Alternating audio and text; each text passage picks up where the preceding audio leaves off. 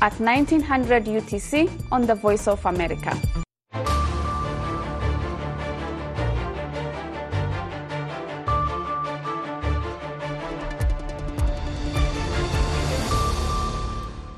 subax wanaagsan dhegaystayaal ku soo dhowaada idaacadda saaka iyo caalamka oo idinkaga imanaysa washington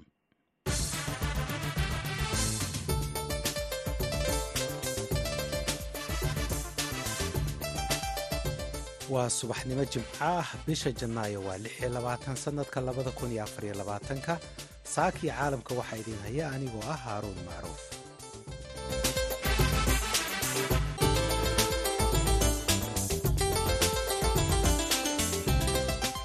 qodobada aan idiin hayana waxaa ka mid ah faahfaahinta dhulgariir xalay laga dareemay dalka jabuuti gariirkan laga yaabay aad aad looga yaabo ummaddiina imlaa'imkay sala joogtaa kan baa ka weyn misig kan baaba sidaaba afka ka dhici gaare?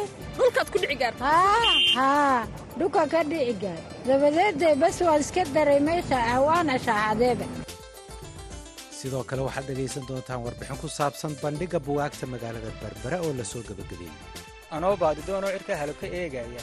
Nin harraadan oo daalay waa lala shaqeeyaaye. Bidar seeraf igu dhaafayoo waan ku qaban uune xaggaad geli balaas shaaha baan kugu khasaarayn qodobadaas iyo warar kale ayaa idiin hayaa marka horese wararkii caalamka qodobada ugu doorka roonaa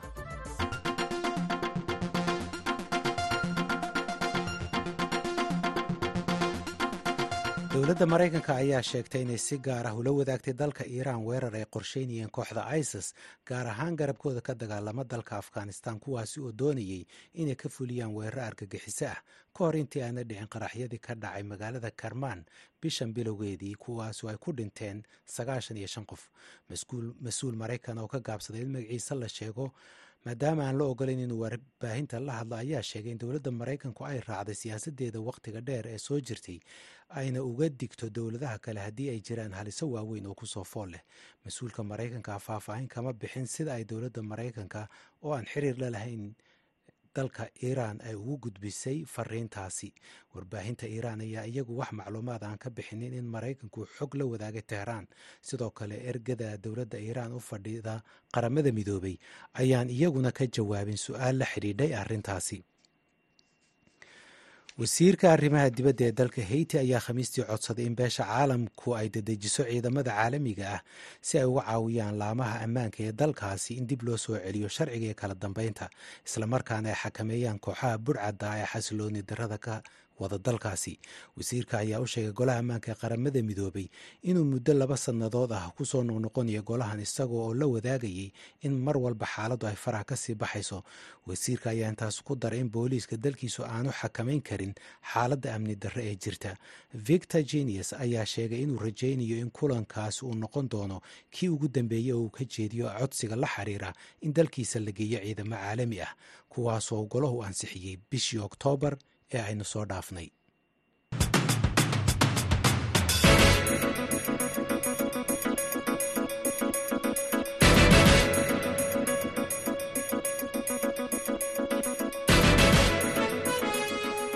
halkaad nagala socotaan waa laanta afka soomaaliga idaacadda voice of america washington xalay waxaa dalka jabuuti laga dareemay dhulgariir cabirkiisa lagu qiyaasay shan dhibic afar cabirka dhulgariirada.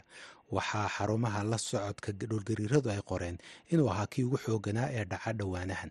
Faahfaahinta warkan jabuuti waxay nooga soo dirtay sagal siciid. Hay'adda saadaasha hawada iyo la socodka dhulgariirka ee dalka jabuuti ayaa dhulgariirkan xalay fiidkii laga dareemay dalka jabuuti ku tilmaamay cabirkiisa inuu ahaa shan dhibic afar mana jiro wax khasaare ah oo uu geystay dhulgariirkaasi oo la soo sheegay. Qaar ka mid a shacabka jabuuti oo la hadlay v o eda ayaa ka waramay dhulgariirkan iyagoo isbarbar dhigay dhulgariirkan iyo kuwii hore. Waxaa la yidhaha aniga jilaani cali batuun oo ku magac dheer suuri. Gariirkan ku laga yaabay aad aad looga yaabo ummaddiina imlaa'imkay sala joogtaa waan fadhinay dikadda horteeda ridaartaa meel baa fadhinay oo magaasaama ku dhex kara fadhinay. Iyo wallaahi kan kan baa ka darnaa kii hore marka la arko yaa kanaa ka darnaa kanaa sanvergulka markiiba fajacnay waan yaabnay kanaa ka sii waxaa dhaqaaqay bandaradihii xaafadahaygiibaa yaa lulmay baabuurtiibaa lulantay dadku walaahi imika weli dadku aarba ilaa imika sidii cabsi ku sii qaba. Oo welibaa seexan loo ilaa imika le bilow caawa wax kalaa nugu iman lahay. Gariir labaad baaba imaba isleeyihiin markii ugu horreysay gariir yaroo gaaban baa nayar dhaafay. Waa waa ratuurkii wuxuu hata gariirkan xooggan weyn oo markii labaad wuxuu xooggan u soo noqday. Markii hore in yar buu ahaa. In yar buu ahaa. Haa laba jeer buu sameeyey.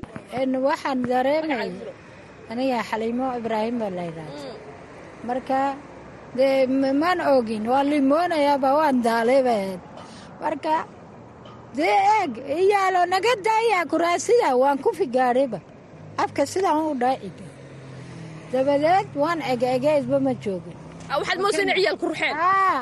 waa moodaya ashhadu an laa ilaaha illa allah tanahay markii dambe waan dareemade ina dadka markaan ka waayey waan iska dareemay ina in waa ashhadu an laa ilaaha illa allah halkan baa ka joojiyey waan ku dhagay baa kursiga lululululu kan iyo kii hore ka waran. may kan baa ka weyne kan baa ka weyn misinka kan baaba sidaaba afka ka dhici gaareen dhulkaad ku dhici gaarta. Haa dhulka ka dhici gaar dabadeedee bas waan iska dareemay waana shaaxadeeba haa ilaahuna bihi yaa rabaalcaalamiin kana kale ma arkin baa idhi aniga.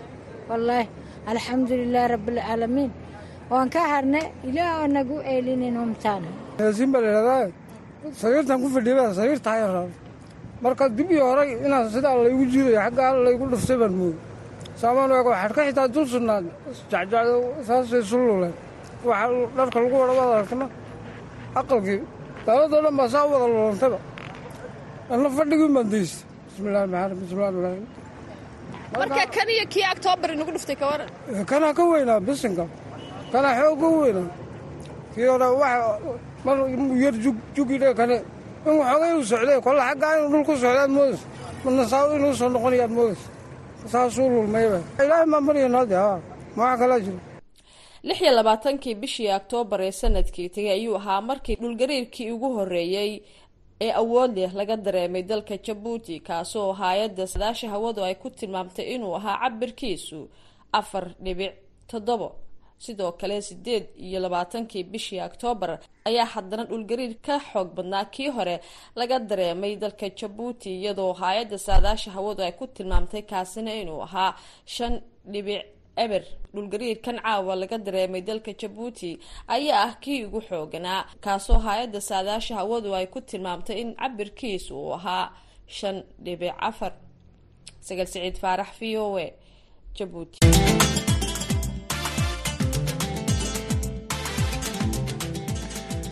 maalmahan waxaa xeebaha gobolka jubbada hoose ee maamul goboleedka jubbaland ka jiray dabaylo xoogan kuwaasi oo saameyn ku yeeshay dadka ka shaqaysta badda waxaana ay dabeelahaasi sababeen in la waayo ugu yaraan hal doon oo kuwa kalluumaysiga ah. Warbixintan waxaa inoo soo diray wariyahayaga aadan maxamed salaad cabdiraxmaan maxamed faarax guddoomiyaha iskaashatada kalluumaystada ayaa ugu horreyn v o a uga warramay khasaaraha ka dhashay dabeelaha xooggan ee xeebaha ku dhuftay shalay mid baa lala'aa oo kismaayo ah ilaa hadda war kama hayno. Marka insha allahu tacaala waxaan la xiriiraynaa ilaa kayaboni baan la xiriiraynaa laakiin ilaa hadda waan la'nahay saddexdii ruux iyo doontiiba waan la'nahay. Marka insha allahu tacaala ilaa kayaboni ilaa kayungaan weydiinaynaa waayo biyuhu xaggay u socdaan.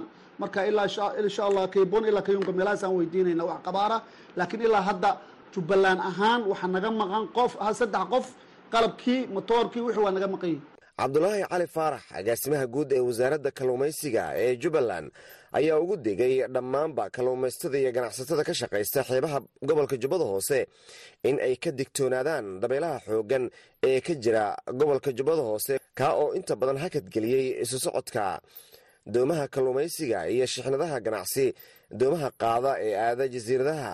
Inaanu ka bixino digniin oo dadka kalluumaysatada aan dhahno baddaas halaga taxadaro hadda maanta ma dhahayno intay socoto badda halaga joogo sababtoo ah dadkaasi waa dad ku nool badda. Laakiin waxaan leenahay inay ka taxadaraan oo markay badda galahayaan ay jawiga iyo cimilada ay fiiriyaan. Adduunka haddana casri wey waxaa laga firin karaa telefoonada laga firin karaa xilliga ay marayso waxaa dhihi jiray subaxaas jawigiis uu yahay. Waxaa kaloo la xiriiri karaan xafiisyada wasaaradda qaybtan hadda xafiiska weyn iyo kan kale oo calinley ku yaalla extensionka si ay khubarada wasaaraddu ay tala u siiyaan dadka agaasimaha guud ee wasaaradda kalluumaysiga ee jubbaland cabdulaahi cali faarax ayaa uga digay dadka dabaasha u taga xeebaha magaalada kismaayo iyo guud ahaan qaybo badan oo jubbada hoose ka mid ahi iyo kalluumaystaduba in ay ka taxadaraan dabeelaha jira awgeed si ay uga badbaadaan dabeelahaasi waxaana uu sidoo kale faahfaahin ka bixiyey khasaaraha iyo intuu la egyahay hadda ilaa hadda saameynta jubbaland ka dhalatay waxaa yidhi inay doomo qaarkood ay burburiyeen iyo qalab kaloo agab kaloo kalluumaysi ah. Laakiin waxaan leenahay bulshada isticmaasha khaasatan kuwa kalluumaysatada ah inay isticmaalaan qalabka loo yaqaano life jackets ama life savinka inay xidhaan. Kuwa kaloo waxaa jiro iyagana jihada tusinayo oo g p rska inay qaataan. Si hadhowta haddii ay lumaan oo kale aan u raadino oo loo soo helo xogtooda iyo meeshay ku yihiin digniintaasaan bixinaynaa waxaa kaloo digniin siinaynaa dadka iyaga laftooda badda ku dabaasho. Laftooda way saameyn kartaa. Iska dhaaf kuwaasi hataa waxay saamaysay magaalada guryaha qaar ka inay dumeen ala sheego dadku dhammaadeen. Marka dhammaan bulshada waxaan leenahay inaad ka taxadirtaan saameynta ay leedahay dabeeshan hata socotay loo yaqaano kasgaaziga luqadaha kale. Af soomaaligana waxaa lagu dhahaa dayra dhaaf. Waxaan rajaynaynaa in aanan haddii wax yeelo khatar ay dareemaan in lala soo xiriiro xafiiska wasaaradda oo diyaar ku ah waxaanu haynaa doontii lagu badbaadin lahaa qalabkii kale oo lagu adureysi lahaa xaaladda hadda dabeelahan socdo. Sanad xilligan oo kale xeebaha gobolka jubbada hoose waxaa ku dhuftaa dabeela aad u xoogan kuwaas oo saameyn xoogan u geysta kalluumaystada iyo sidoo kale doomaha shixnadaha ganacsisida ee isaga kala goosha jasiiradaha gobolka jubbada hoose. Iyadoona digniintan ay ku soo aadayso xilli ay sii xoogaysanayaan dabeelahaasi. Aadan maxamed salaad v o a magaalada kismaayo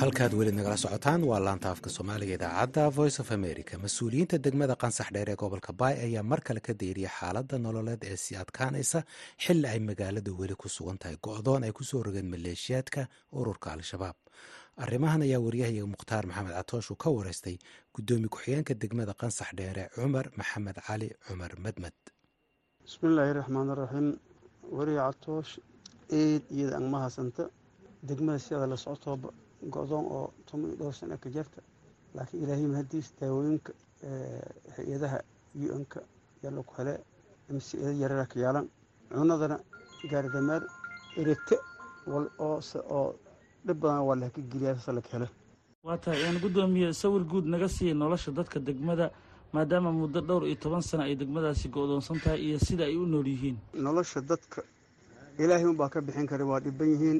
Roobkii siduu u yimid hay'ada oo wax qorqoray waa jiraan. Wax ilaa hadda soo gaarayna male yacni kanaaca jirta go-doonba jira qandhaa jirta biyaha xaafadaha fadhiistay beerihii waa biyaha fadhiistay nolol oo hadda ilaahay unbaa loo sheegi karaa oo yani qof bani aadan wax kama qaban ilaahay unbaa wax ka qaban kara ee nolol xun baa ka jirta carrada. Go-doon biyo kanaaco intaasaa isugu darsamay beerihii oo yani biyaha ay fadhiisteen oo hadda dib loo abuuray oo hadda abuuri waxay ku yaalin ogi nolol intaasay ka ilaa hadda wax soo gaareen male dadkii wax ka qorqorayn dhibaatooyinkan shacabka haysta ee go-doonka ku jira guddoomiye sidee looga gudbi karaa? Waxaa looga gudbi karaa jidka oo la furo dowladda oo kuwan muslimka iyo dadkaba dhibay oo gacan la saaro jidka la furo intaasunba ay gacan ku heli karaan wax kale ay kaga bixi karaan male gacan dowlad uma ay kaga bixi karaan. Guddoomiye ku-xigeenka degmada qansax dheere cumar maxamed cali cumar medmed oo u warramaya wariyahayaga mukhtaar maxamed catoosh haatana ku soo dhowaada xubintii amuuraha islaamka waxaa london inoogu soo diyaariyey waryahayaga cabdixaafid cawil ismaaciil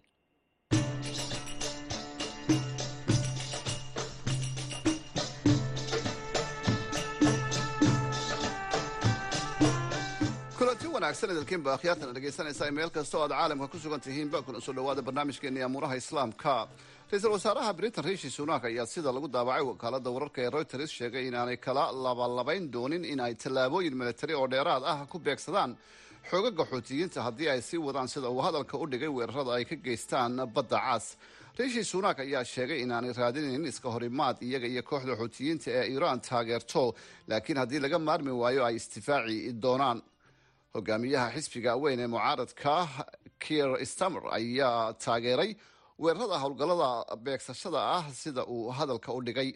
Britain iyo maraykanka ayaa sheegay inay toddobaadkan ay weerareen laba xarumood oo milatari oo ku yaalla waqooyiga magaalada sanca ahna goobo lagaga soo duuli jiray maraakiibta ku sugan badda cas.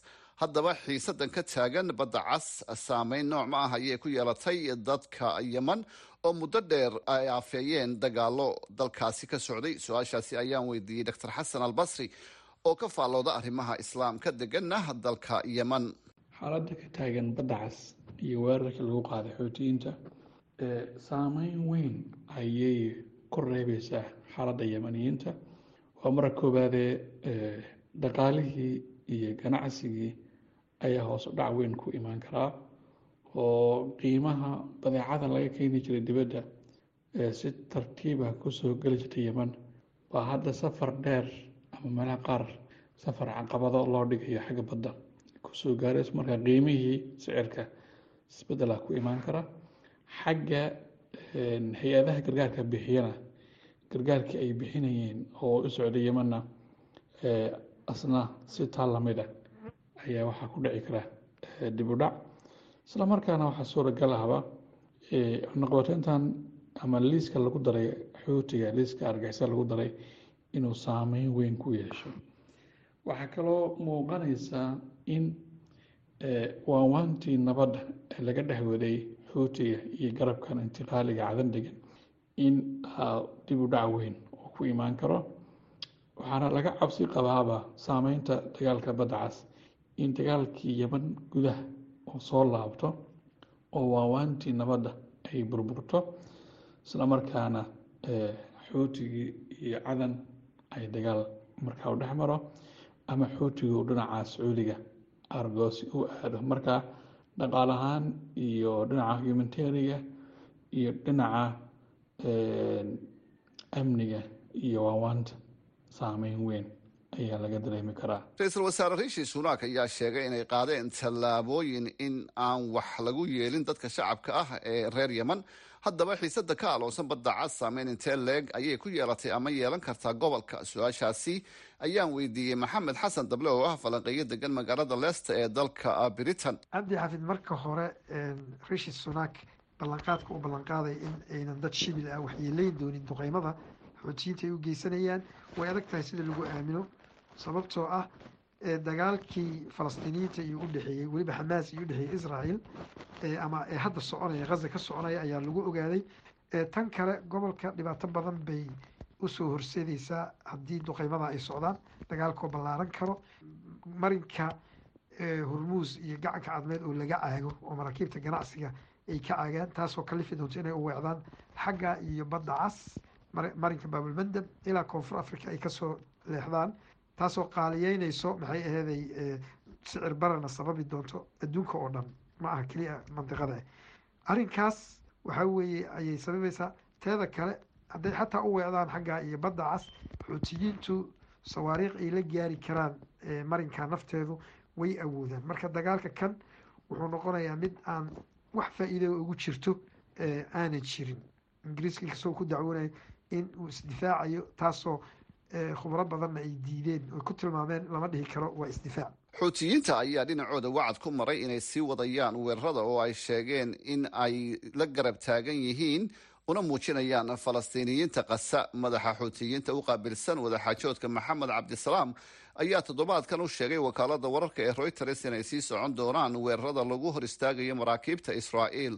Waxa uu sheegay in dalabka xuutiyiintu uu weli yahay in la soo afjaro dagaalka qasa islamarkaana gargaarka bani-aadnimo la gaarsiiyo koonfurta iyo waqooyiga qasa ma doonayno? Ayuu yidhi inay xaaladdu ka sii darto badda cas iyo badda carabta. Waxa uu ku eedeeyey waddamada maraykanka iyo britain inay badda cas ka dhigeen goob milatary intaasi ayaynu dhegaystayaal ku soo gabagabaynayna barnaamijkeenii amuuraha islaamka. Aniga oo cabdixaafid cawil ismaaciil ayaa soo diyaariyey oo idinla socodsiinayey tan iyo inta aynu mar kale kulmayno haddii ilaahay raalli ka noqdo sidaas iyo jimco wanaagsan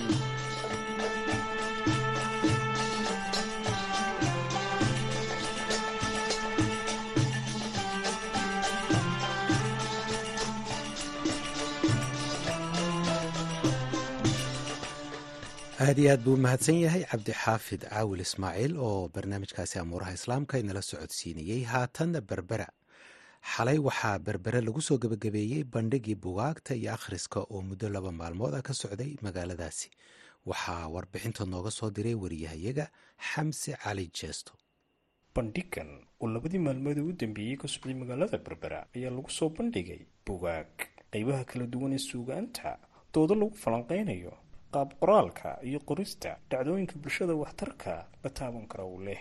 Cabdifataax maxamed nuur. Gudoomiyaha qabanqaabada bandhiga bugaagta ee berbera ayaanu weydiinay waxyaabihii uu qabsoomay intii uu socday bandhigani. Laba cishuu inoo socday buug feerku caawana uu noo soo gabagabeeyey alxamdulilah buug feerka marka laga tago xafladda furitaanka oo gelin naga qaadatay muddadii uu socday xidhiir ahaan markaan ka dhex saara timkii la yaro break ama nasashada wuxuu xidhiir u socday labiyo toban saac labiyo toban saac waxaa qabsoomay labiyo toban barnaamij ayaa qabsoomay ama labiyo toban banal. Waxaa joogay toddoba maktabadood. Toddobada maktabadood wadar ahaan buugtii meesha ay keeneen waxay ahay kun buug sidoo kale waxaa yaalla diiwaan lagu diiwaan gelinayay dadka soo booqday labadaa cisho maktabadaha.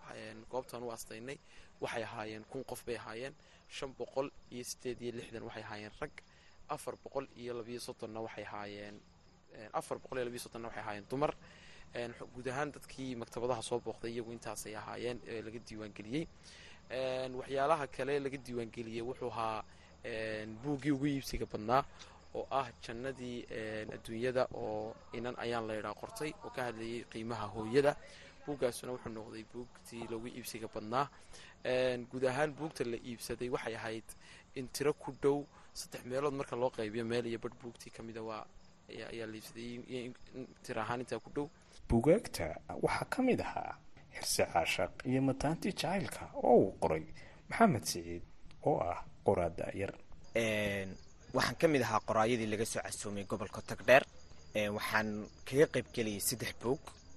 Buug la dhahdo saajac oo ka hadlaya sooyaalkii iyo halgankii esanam mujaahid faarax siciid sugulle faarax ifiso labada buug midna xabsi caashaq baa la dhahdaa midna waxaa la dhahdaa baadigoobkii mataantii jacaylka.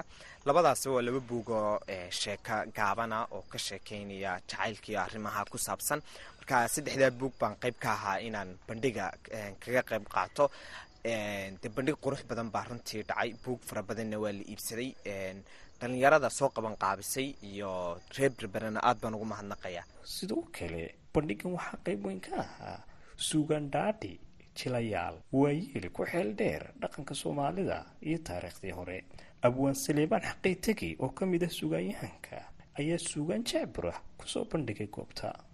Walaahi waxaa la dhahdaa nin walba ceesaantii ceelkeen. Marka intii yareedu madaxweynuhu kaga qayb qaadan dadka la yara maaweeliyo iyo waxyaabihii kale bartaa ka sii dhalanayay oo aduu gabayaro jacbura hadday tahay waa mid ka mid halan ku hayo marka waa gabayaro jacbur oo qosalon looga jeedo wax fariino caynkaas uu sii sidaanay jirin. Wuxuu odhanayaa anoo baadidoonoo cirka halo ka eegaya. Nin haraadan oo daalay waa lala shaqeeyaaye dhidar seeraf igu dhaafayoo waan ku qaban uune. Xaggeed geli. Falaad shaaha baan kugu khasaarayn. Marka wuxuu iska ahaa gabayaro maada oo maadu laga dayaayay magaaladan lagu qabtay bandhiga ayaa ka mid ah goobaha ugu qadiimisan dhulka ay soomaalidu degto waxaana magaaladani ku yaalla dhismayaal qadiimi ah oo qarniyadii hore la dhisay. Xamse cali jeesto v o a berbera halkaad nagala socotaan waa laanta afka soomaaliga idaacadda voice of america washington. Haatan qodobadii warka caalamka ugu doorka roona. Wasiirka arrimaha dibadda ee haiti ayaa khamiistii shalay ka codsaday beesha caalamka in la dedejiyo ciidamada caalamiga ah si ay uga caawiyaan laamaha ammaanka ee dalkaasi haiti in dib loo soo celiyo sharciga iyo kala dambeyntii islamarkaana ay xakameeyaan kooxaha budhcadda ee xasilooni darada ka wada wadankaasi wasiirka ayaa u sheegay golaha ammaanka ee qaramada midoobay inuu muddo laba sannadood a ku soo noqnoqonayo golaha islamarkaana uu la wadaagaya in mar walba ay xaaladda wadankiisu ka sii darayso. Wasiirka ayaa intaasi ku daray in booliiska dalkiisu aanu xakamayn karin xaaladda amni darro ee ka jirta wadankaasi victor genius ayaa sheegay inuu rajaynayo inuu kulankani noqdo kii ugu dambeeyey oo golaha uu ka jeediyo codsigana uu u jeediyo dhinaca dowladda maraykanka ayaa iyaduna sheegtay inay si gaara ula wadaagtay dalkaas iiraan weerar ay qorsheynaysay kooxda isis gaar ahaan garabkooda ka dagaalama dalka afghanistan kuwaasi oo doonayay inay ka fuliyaan weerar argagixisa weeraradaasi oo dhacay bishan horraanteedii ayna ku dhinteen sagaashan iyo shan qof. Haatanna bal waa dhinacii sugaanta iyo heestii toddobaadka iyo ismaaciil farjar.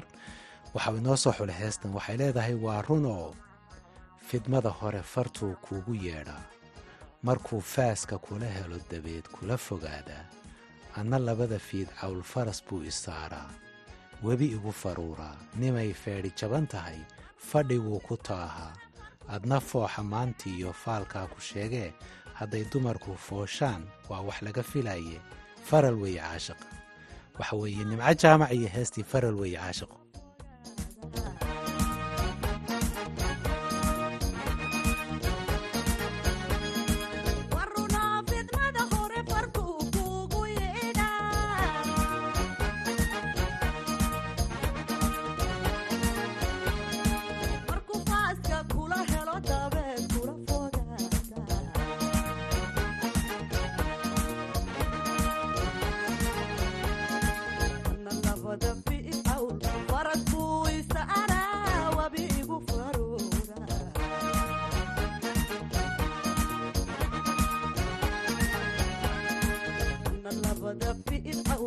caashiqo